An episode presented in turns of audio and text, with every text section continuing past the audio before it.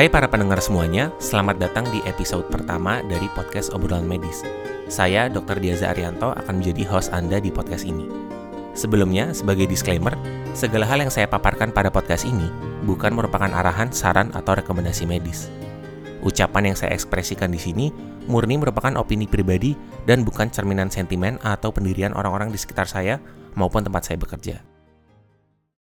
Oke, langsung aja kita mulai di episode pertama kali ini. Kita akan bahas satu trial yang menurut saya sangat menarik. Kemarin sempat dipaparkan di pertemuan tahunan ke-43 di Society for Maternal Fetal Medicine. Trial yang ingin saya bahas di sini adalah berjudul The A Plus Trial, merupakan singkatan dari Azithromycin Prevention in Labor Use Study. Trial ini dipimpin oleh Dr. Tita yang merupakan wakil ketua senior bagian riset dan inovasi di Departemen Obstetric Ginekologi Hirsing School of Medicine Universitas Alabama di Birmingham. Penelitian ini dipublikasikan pada tanggal 30 Maret 2023 di The New England Journal of Medicine atau NEJM dengan judul Azithromycin to Prevent Sepsis or Death in Women Planning a Vaginal Birth atau Azithromycin untuk mencegah sepsis atau kematian pada wanita yang merencanakan persalinan pervaginam. Sebelum kita membahas detail mengenai penelitian uji coba ini, mungkin saya ingin memberi sedikit latar belakang. Jadi infeksi maternal pada masa peripartum, terutama sepsis ya, itu termasuk tiga teratas penyebab kematian ibu di dunia. Begitu juga dengan sepsis neonatus. Nah, sebagai bagian dari usaha untuk mengurangi beban tersebut, pada tahun 2016 Dr. Tita dan timnya itu juga mempublikasikan trial kunci yaitu C-SOAP di NEJM juga. Waktu itu sempat rame. Trial ini tuh menunjukkan bahwa pada kasus bedah sesar yang non-elektif, penambahan azithromycin IV di atas regimen antibiotik profilaksis yang standar itu menghasilkan penurunan insidensi infeksi maternal hingga 50% dan menurunkan biaya perawatan secara keseluruhan. Dengan hasil yang cukup besar, waktu itu ramai sekali jadi trial ini menjadi dasar organisasi dokter obstetri ginekologi di Amerika atau yang lebih familiar kita tahu dengan The American College of Obstetricians and Gynecologists itu memasukkan rekomendasi pemberian tambahan infus azithromycin pada kasus besar sesar non-elektif ke dalam ACOG Practice Bulletin nomor 199 tahun 2018. Teman-teman nanti habis ini bisa mungkin coba cek atau buka sendiri. Nah, dari pengalaman itu, tim A plus trial ini berhipotesis bahwa azithromycin oral mungkin kalau sebagai profilaksis itu juga dapat mengurangi tingkat infeksi dan kematian ibu maupun neonatus pada persalinan metode pervaginam. Untuk desain, jadi trial ini merupakan penelitian multinasional, double blind, placebo controlled, dan randomized. Intervensi yang dilakukan hanya satu, yaitu pemberian azithromycin oral dengan dosis 2 gram dan ini nanti akan dibandingkan dengan grup placebo. Keluaran utama atau primary outcome dari penelitian ini itu dibagi menjadi dua, yaitu keluaran utama maternal serta neonatus. Untuk yang maternal itu tingkat sepsis atau kematian ibu yang dinilai secara komposit dalam jangka waktu 6 minggu atau 42 hari ya, berarti masa nifas. Untuk yang neonatus, hasil yang dinilai adalah tingkat kelahiran mati, tingkat kematian neonatus, atau tingkat sepsis neonatus selama 4 minggu setelah lahir. Biar penilaiannya itu ada tolak ukur yang formal yang terstandar, sepsis maternal dan sepsis neonatus di penelitian ini itu didefinisikan menurut kriteria WHO. Saya nggak akan nyebutin apa kriterianya satu-satu, teman-teman nanti bisa cross-check revisit lagi, mungkin sekalian visit ulang ya, mungkin sekalian belajar lagi. Nah, nggak hanya keluaran klinis itu yang dinilai, tapi tentunya juga data keamanan yang meliputi efek samping obat seperti mual, muntah, diare, serta alergi seperti anafilaksis, kemudian ada gagal hati juga, aritmia, dan stenosis pilorus bayi. Mungkin sekarang ada yang mikir atau tanya, dok, kenapa stenosis pilorus bayi? Nah, salah satu efek samping atau adverse effect ya dari konsumsi antibiotik makrolit yang diketahui itu adalah stenosis pilorus. Jadi karena itu cukup penting ya, makanya di penelitian ini itu di-highlight dan benar-benar dicatat. Untuk kriteria inklusinya, uh, pasien yang bisa dimasukkan ke dalam populasi penelitian ini, itu ada tiga yang utama. Pertama, bahwa usia kehamilannya itu di atas 28 minggu. Uh, jadi untuk yang preterm di bawah 37 minggu juga boleh, cuma dengan syarat tertentu. Dan uh, wanita hamil ini harus berencana untuk memang melakukan persalinan pervaginam di fasilitas kesehatan. Kemudian, juga harus terbukti terdapat satu atau lebih janin yang konfirmasinya itu melalui detak jantung janin oleh monitor Doppler. Nah, usia wanita hamilnya ini harus 18 ke atas. Kecuali di beberapa negara yang dilaksanakan penelitian ini, perempuan usia 14 sampai 17 tahun yang hamil itu boleh secara hukum kalau memberi konsen atau jika boleh diwakili walinya sesuai dengan hukum setempat itu uh, masuk faktor uh, kriteria inklusi serta tentu semuanya harus ada izin tertulis secara langsung ya. Nah, untuk kriteria eksklusi itu ada cukup banyak. Mungkin nanti teman-teman kalau mau lihat secara detail bisa baca di supplementary materialnya. Tapi intinya itu seperti biasanya dan ya yang mungkin akan berpengaruh terhadap intervensi pemberian uh, pemberian antibiotik ini ya. Jadi misalnya ada bukti infeksi lain seperti chorioamnionitis. Kemudian jika pasien itu ada riwayat penyakit jantung riwayat alergi terhadap obat ini, azitromisin, atau ada riwayat penggunaan antibiotik makrolid dalam tiga hari sebelum randomisasi. Kemudian, karena ini untuk pervaginam, jika memang pasien itu berencananya untuk persalinan operatif atau bedah sesar, ya nggak diinklusi. Kemudian, jika pasien itu pada saat uh, persalinan mengalami distress, jadi tidak bisa uh, membuat sebuah konsen tertulis atau tidak bisa paham itu jadinya juga tidak uh, masuk ke tidak boleh dimasukkan ke dalam penelitian ini. Kemudian ya yang terakhir seperti kalau ada emergency obstetric seperti perdarahan antepartum itu juga masuk faktor eksklusi. Oke, sekarang kita masuk ke hasilnya. Jadi pada akhir penelitian ini, total udah ada 29.278 wanita yang mengalami randomisasi dengan rasio di kedua grup itu satu banding satu. Hasil keluaran utama maternal secara komposit terdapat 1,6% sepsis atau kematian ibu pada grup azitromisin dibandingkan 2,4% pada grup placebo. Risiko relatifnya ini 0,67. Berarti teman-teman ada 33% pengurangan risiko pada grup intervensi. Selain dari p-value yang kurang dari 0,001, kita bisa tahu bahwa hasil ini signifikan dan nyata benar adanya adalah dari confidence intervalnya yang 0,56 sampai 0,79. Dari confidence interval ini karena sama sekali tidak pernah melewati angka 1, selalu di bawah angka 1, kita bisa tahu bahwa efeknya itu nyata. Nah, tapi untuk yang di keluaran utama neonatus sayangnya kelahiran mati, kematian neonatus dan sepsis neonatus itu secara komposit pada grup azitromisin terjadi pada 10,5% neonatus dibandingkan 10,3% pada grup placebo. Relatif risknya ini 1,02 dengan p-value-nya 0,56. Jadi untuk yang keluaran utama maternal itu signifikan, tapi untuk yang keluaran utama neonatus itu nggak signifikan. Setelah mendengar hasil ini, tentu muncul ya beberapa pertanyaan yang memang harus diulik. Yang paling dasar adalah, apakah desain dari penelitian ini tuh sudah kuat secara statistik untuk menilai perbedaan antara kedua grup.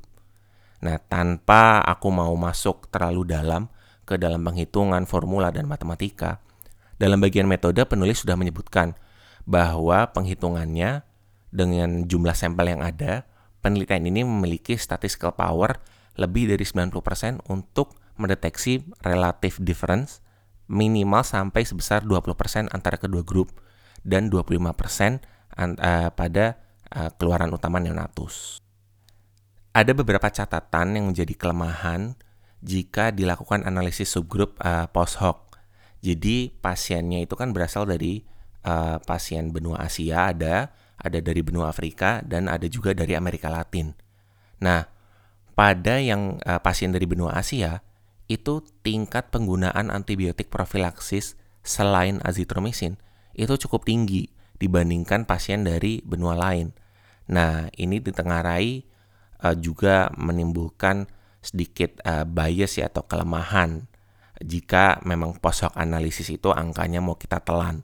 Tapi uh, kita menurut saya nggak perlu terlalu khawatir untuk itu karena penilaian overall yang komposit uh, populasi semuanya itu perbandingan antara grup azitromisin dan placebo itu tadi dengan angka tadi itu sudah jelas sekali gitu. Bahkan untuk post hoc uh, subgrup analisis jika dibagi menurut metode persalinan pervaginam versus pada akhirnya yang ada juga pasien yang pada akhirnya tetap berdasar operatif karena pada saat proses persalinan ternyata ada terjadi sesuatu di tengah-tengah yang setelah diberi azitromisin ya yang memang mengharuskan pasien itu dinilai oleh dokter objinnya untuk wah ini harus dibedah sesar ya tetap dimasukkan dalam analisis itu pun tetap signifikan bahwa yang grup azitromisin itu mempunyai pengurangan keluaran utama maternal.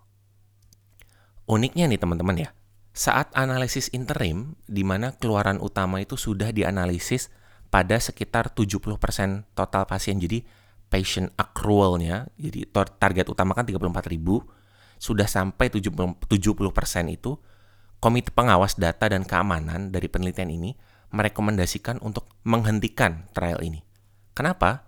Karena dengan analisis interim 70% itu saja, keuntungan positif atau benefit untuk ibu itu telah terlihat jelas. Sehingga untuk melanjutkan pemberian placebo uh, pada calon-calon pasien berikutnya itu akan menjadi tidak etis. Oke, selanjutnya untuk pertanyaan kedua. Emang ini relevan dan bisa diterapkan di populasi kita? Seperti yang saya sebutkan sebelumnya, ini dijalankan di tujuh negara, yaitu negaranya adalah negara pendapatan menengah ke bawah. Republik Demokratik Kongo, Kenya, Zambia, Bangladesh, India, Pakistan, dan Guatemala. Berarti itu kan tiga negara benua Afrika, tiga negara benua Asia, dan satu negara di benua Amerika Utara. Jadi untuk populasinya menurut saya bisa cukup reflektif uh, terhadap populasi Indonesia lah, terutama yang dari pasien benua Asia. Kemudian gimana dengan perbedaan karakteristik pasien pada kedua grup? Bisa aja kan, misalnya karakteristik dari grup yang azitromisin sama karakteristik grup yang di placebo itu beda banget. Misalnya umurnya jauh kemudian persentase primipara atau multipara yang jauh dan segala macamnya. Ternyata teman-teman luar biasanya adalah dengan bagusnya pengacakan dari penelitian ini karakteristik dari antara kedua grup itu hampir semua sama persis. Perbedaannya maksimal cuma 0,1 sampai 0,4 persen dari semuanya pasien benua Afrika uh, di kedua grup, pasien benua Asia, pasien Amerika Latin. Bahkan median usianya pada kedua grup itu identik 24 tahun dengan jarak interkuartil atau EQR-nya itu 21 sampai 28, sama persis.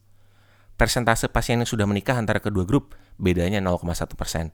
Tadi yang primipara multipara juga bedanya 0,1 persen.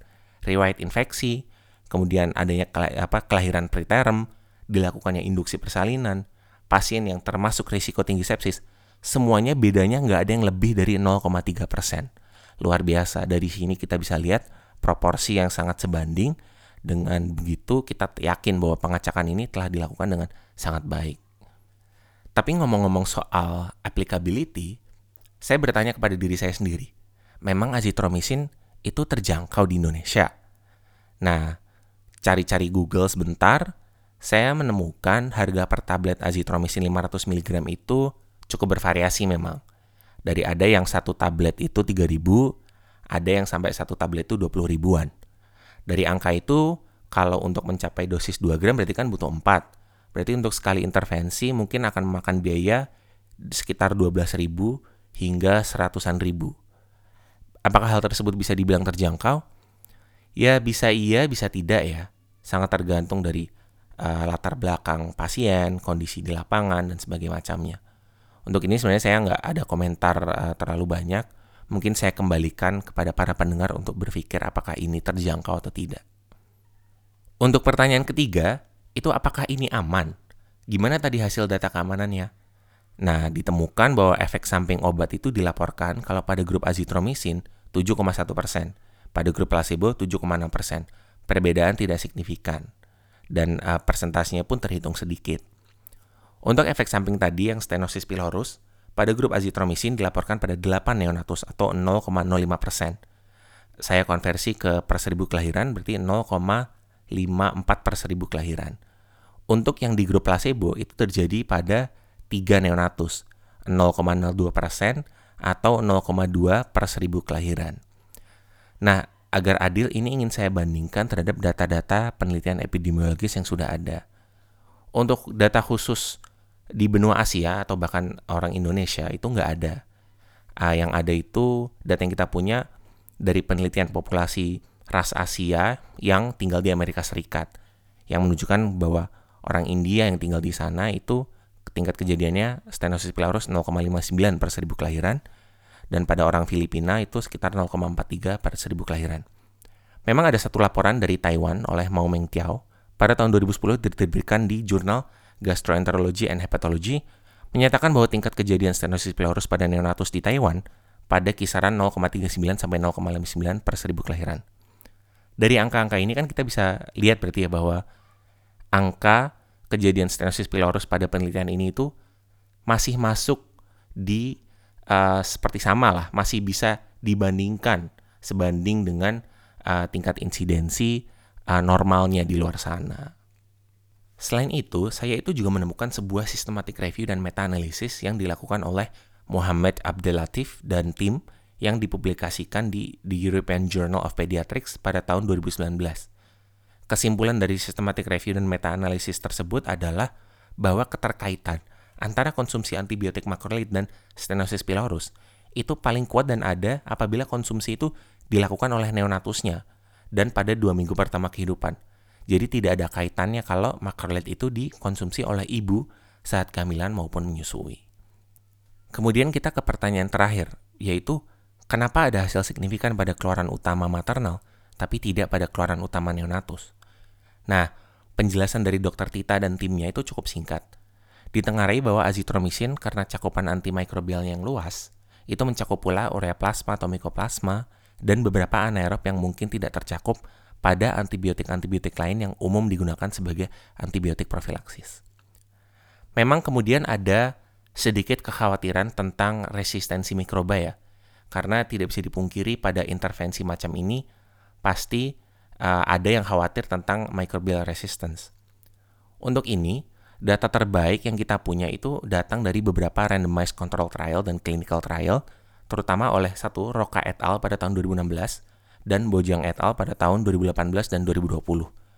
Semua ketiga trial ini itu mengenai pemberian azitromisin oral saat persalinan dan dampaknya pada suseptibilitas ataupun resistensi mikroba pada bayi yang dilahirkan.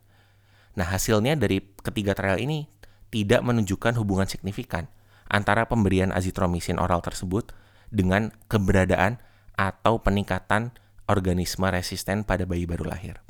Tapi ya, tentu tidak ada salahnya untuk tetap hati-hati dan mari kita berharap uh, akan ada long term data yang nanti bisa menjadi uh, tambahan untuk kita semua.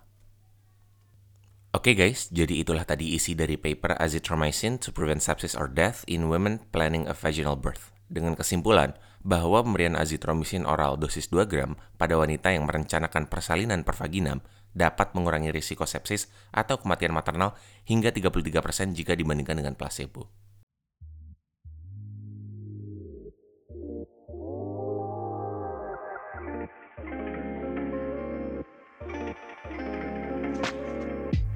Kata, thank you so much buat kalian semua yang udah dengerin episode pertama kali ini. Kalau ada kritik atau saran untuk tema episode selanjutnya, bisa ditulis dan dikirimkan ke email obrolanmedis@gmail.com. Saya Dr. Diaz Arianto pamit undur diri dan sampai jumpa di obrolan berikutnya.